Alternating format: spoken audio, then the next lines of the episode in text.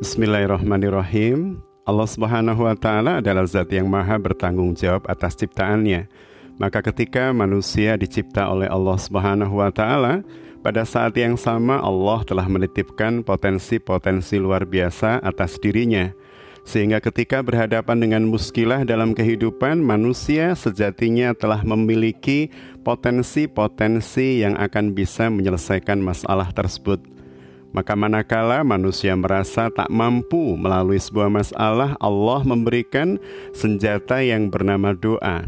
Maka doa adalah konektor dan jembatan terbaik bagi seorang hamba untuk menghadirkan pertolongan-pertolongan Allah atas setiap masalahnya.